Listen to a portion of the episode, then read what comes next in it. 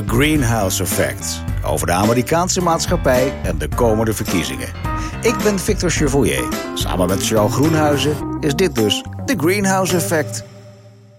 En we zijn alweer uitgekomen aan de 26e aflevering van de enige echte Greenhouse Effect. We gaan het vandaag hebben over wel of niet gedane uitspraak van Trump over losers en suckers. Dat zeg ik verkeerd, dat hebben we bij de vorige aflevering al gedaan. Maar we gaan het wel hebben over waarom mensen eigenlijk stemmen op Trump. Uh, of eigenlijk stemmen op Uncle Joe of Biden. Uh, nee, Onkel Joe is Biden. Uh, ik zit een beetje te prutsen, geloof ik. Maar dat maakt niet uit.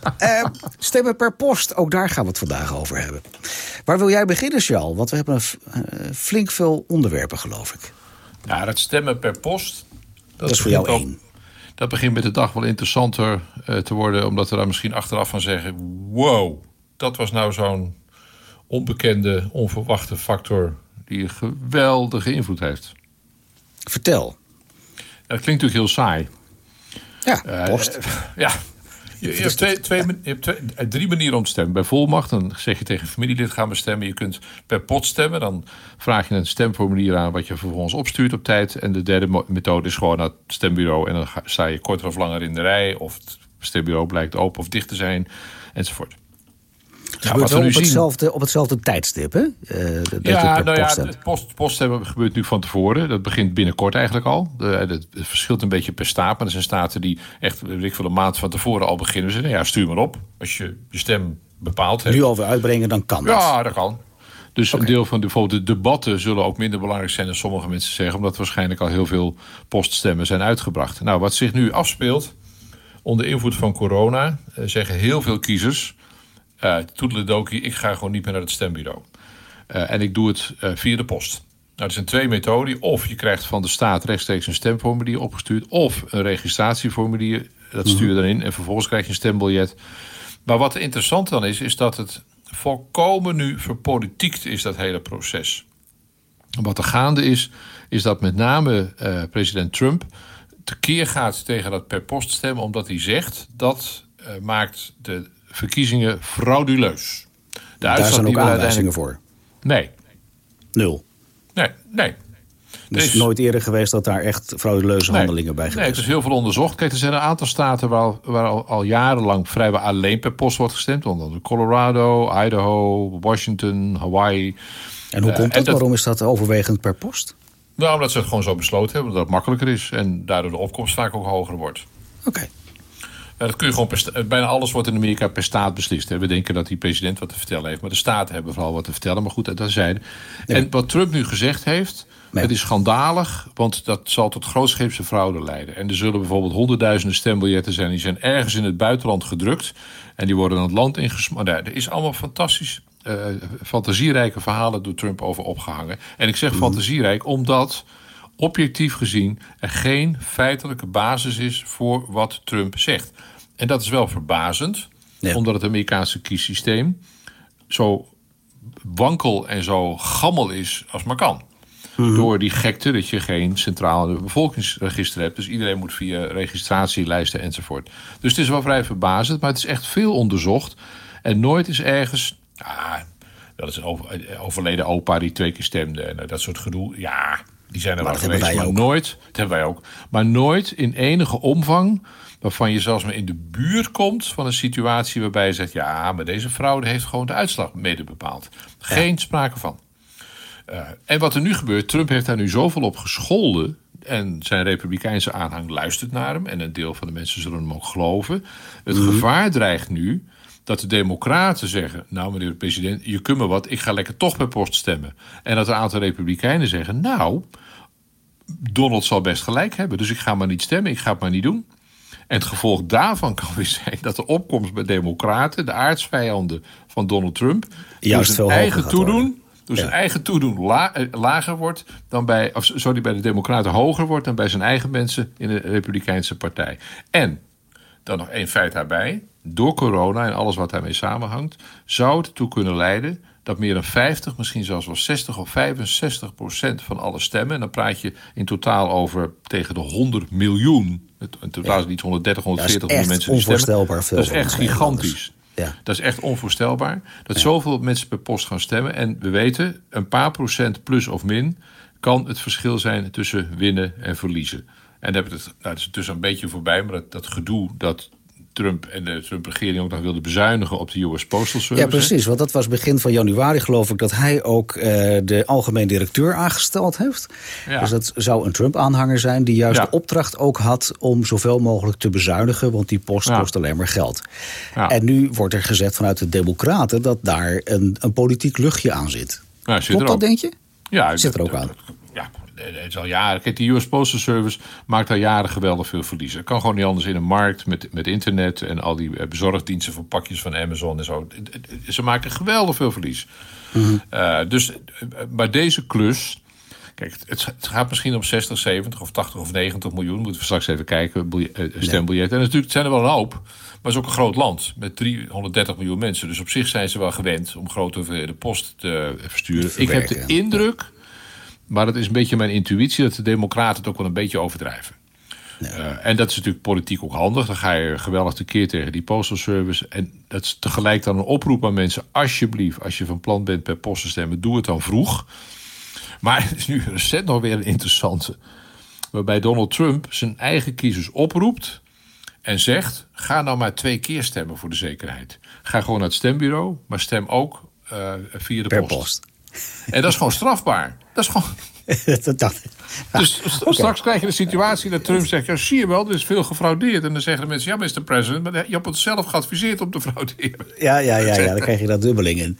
Um, maar ik heb ook begrepen dat de, de uh, bezuinigingen die vanaf januari ingevoerd waren, eigenlijk weer ongedaan zouden moeten worden. Sterker, dat er meer geld beschikbaar komt voor de posterijen. Klopt dat? Ja, dat, dat, lijkt voorlopig niet te gebeuren. Nou, dan kom je gelijk natuurlijk op de totale verdeeldheid in het Amerikaanse congres, met name Huis van Afgevaardigden, waar Nancy Pelosi de scepter zwaait. Uh, dat de, de, Republikeinen dat niet willen. Net zo goed als ze steeds uh, geld uh, weigeren beschikbaar te stellen. überhaupt voor het hele kiesstelsel. Wat ik net zei, het is echt hartstikke gammel. Daar moet je echt in investeren. Een, een land als Amerika moet zich doodschamen... dat ze met zo'n systeem nog de machtigste man of vrouw ter wereld gaan kiezen. Maar het is gewoon zo. Maar het, is dus volkomen verpolitiekt. En dat is ook een beetje indicatief voor de sfeer nu in, in de campagne. En indicatief voor, voor wat, wat we met z'n allen meemaken. En het is gewoon eigenlijk heel verdrietig. Obama heeft er ook wat dingen over gezegd. Hij zegt, jongens, het gaat om, om het meest belangrijke proces, politieke proces in ons goede vaderland. En we moeten er absoluut zeker van zijn dat dat zo goed en zo zuiver mogelijk gebeurt. Maar het is toch wel pikant dat we straks een situatie krijgen dat, dat door, door poststemmen de, de, zaak kan verschuiven. En het scenario, en daar verheug ik me echt mateloos op. Uh, ik ga waarschijnlijk in de verkiezingsnacht wel iets op televisie doen. Dat zou je niet heel erg verbazen. Nou. Uh, de kans is groot dat in die verkiezingsnacht er, er, geen uitslag komt. Dat we bijvoorbeeld zitten met een situatie dat, uh, dat het spannend is. Dat net Trump of net Biden voor ligt. Nou, als Trump net voor ligt, dan zal hij op het podium klimmen en zeggen: hiep, ik heb gewonnen. Maar door wat ik net zei, en dat tellen van al die stemmen, dat kan dagen, misschien zelfs wel een paar weken duren. En dat je dan door die demografie van die poststemmen die ik net uitlegde, in de weken na 3 november, je per dag, en dat gaat CNN vast live in beeld zetten, per dag het gat tussen Biden en Trump groter ziet worden in het voordeel van Biden. Ik zeg niet dat het gebeurt. Ik zeg maar de kans is groot. Dat, dat dat een niet ondenkbaar en misschien zelfs redelijk waarschijnlijk scenario is. Nou, dan hebben we een paar hele leuke weken. We kijken er naar uit, zo. We kijken er naar uit. Ehm, maar even voor mijn beeldvorming. Op het moment dat je eh, zo'n zo'n zo'n envelop op de bus doet... is dat het moment dat het geldig is? Of dat de envelop ergens op een, op een, op een, op een, op een verkiesbureau aangekomen is? Hoe werkt dat? Nee, dat is een domme vraag, Victor. Ja? Dat is een domme... Ja. Dat is een... Vertel. Omdat... Nee, ik bedoel het niet echt natuurlijk. Dat, dat, dat is... Natuurlijk wordt daar ruzie over gemaakt omdat over alles ruzie wordt gemaakt. Dus natuurlijk wordt er ook ruzie gemaakt tussen Republikeinen en Democraten. Over precies deze vragen. Dat maakt de vraag ook wel weer slim. Kijk, ik ga het nog wel even terug. Uh, het, uh, ja, je denkt ook, straks krijgen we ruzie. Goed wordt die ja, ja, De, de, de, Republikeinen willen dat zo weinig mogelijk van die poststemmen uiteindelijk geteld worden... en zoveel mogelijk ongeldig verklaard kunnen worden. En die zeggen, die envelop moet op 3 november, of uh, s'nachts om 12 uur op 2 november, moet die envelop binnen zijn, anders telt hij niet mee. De Democraten zeggen ja, maar die postservice is zo overbelast. Nee, dat geldt niet. Het, wat geldt is het poststempel op die envelop, als dat op 3 november staat of eerder, dan moet die gewoon geteld worden. En wat, daarom zei ik net, Natuurlijk maken ze daar ruzie over. Natuurlijk is daar gezeur en gezamenlijk en gezeik over. En natuurlijk kan dat ook weer leiden, en die kans is heel groot. Aan beide kanten zijn nu honderden advocaten zitten echt hoefschrapend in de coulissen klaar om allerlei rechtszaken te gaan voeren. Om de uitslag of aan te vechten of juist te verdedigen.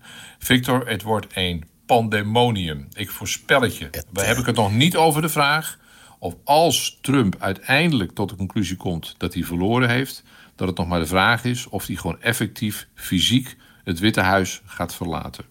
Ja, je bent er bang voor, hè? Je bent er bang voor. Nou, uit oogpunt van nieuwswaarde lijkt me lijkt geen verhaal meer leuker dan dit. Ja. Heb, heb, ik, heb ik je wel eens deelgenoot gemaakt? Ik weet niet zeker of ik het nou gedroomd heb of gewoon bij elkaar gefantaseerd. Wat? Maar je hebt op 20 januari, dat staat in de grondwet en daar kunnen ze ook niet omheen, moet er een nieuwe president worden ingezworen. Of de bestaande president of een nieuwe president. Mhm. En stel nou dat Biden een nieuwe president wordt. En ik had ineens de fantasie. Ik heb vrij vaak die inauguraties verslagen. Het wordt Nederland voor tv, voor radio en zo. En dan heb je op een bepaald moment is de ceremonie achter de rug. Mhm. En dan lopen ze terug. Dus de oude en de nieuwe president, hun echtgenoot, ja. achter en allemaal hoge types eromheen. Die lopen dan terug Capitol Hill in. En dan begeleidt de nieuwe president, de uitgaande president, naar de achterkant waar de helikopter klaar staat. En dan stapt de vertrekkende president in de helikopter. En dan heb je het shot van bye bye, zwaai, zwaai. Ja. En mijn, mijn fantasie is dat op dat moment zien we, dat, die zien we, zien we ze op de televisiecamera's aflopen. En op groepje denk je van shit, wat gebeurt daar nou? En dan zie je ineens een paar vrij breed geschouderde heren uh, naderbij komen. En een soort halve cirkel rond uh, Donald Trump maken. En dan kun je net opvangen dat een van die breedgeschouderde heren met zo'n oordopje, en je kent het wel, tegen de mhm. president zegt: Sir, you have the right to remain silent. Silence. je ziet het echt voor je. Ja. Oh, maar goed, dat is een beetje, beetje kwaadaardig gedacht van mij. Want ik, nou ja, weet ik veel. Maar het zou kunnen gaan over ah. die belastingen, campagnefinancieringen en zo. Ja, ja, ja, ja, er zijn meer, meer dingen die daar, daar uh, reden voor kunnen zijn. Maar het zou wel hij, hij verliest zijn immuniteit. Hij heeft nu een, een, soort hele forse bescherming. Omdat hij de Presidentiële immuniteit heet dat dan. En dat, dat op het moment dat de nieuwe president is ingezworen... vervalt die immuniteit voor een groot deel in ieder geval. Ja. Jullie net Dirty mind is a joy forever. Waar ben jij zelf tijdens de verkiezing? Want je liet net al vallen van, uh, joh, ik, uh, gaat verslaan ergens. Wat ga je doen? Ja, de, de, het is de publieke omroep, dus ze zijn vooral aan het vergaderen. Hoe dat allemaal mhm. moet. dus ik weet het nog niet zeker, maar er wordt wel volop over gesproken. Ik heb er morgen ook weer contact over met allemaal mensen. Want het gaat ook over, het gaat natuurlijk over de verkiezingsnacht. het gaat ook over de drie presidentiële debatten... die uiteraard in Nederlandse tijd midden in de nacht zijn... Ja. Daar zijn we ook vol over, volop over aan het nadenken. En uh, het is geen hele wilde voorspelling uh, als ik zeg van dat ik daar wel een rol in zal spelen. Nee, nee, dat verbaast me niet echt, nee. Maar het, het, is ook wel weer leuk, want het is voor jou natuurlijk is het, zijn dit hoogtijdagen. En uh, zoals je bij ons op de site ook kunt zien, we kunnen in de dagen kunnen we het aftellen. Het is nu vandaag nog 55 dagen, uiteraard morgen 54. Wat gaan wij daar, daarna oh, doen? Kijk, de Olympische Spelen gaan niet door, het EK voetbal gaat niet door... en weet ik wat gaat er allemaal niet door, Thanksgiving gaat niet door... maar dit gaat door. Leuk. Hoera. Hoera. Nou, graag tot de volgende keer, Jal. Hoi, hoi. Tot dan.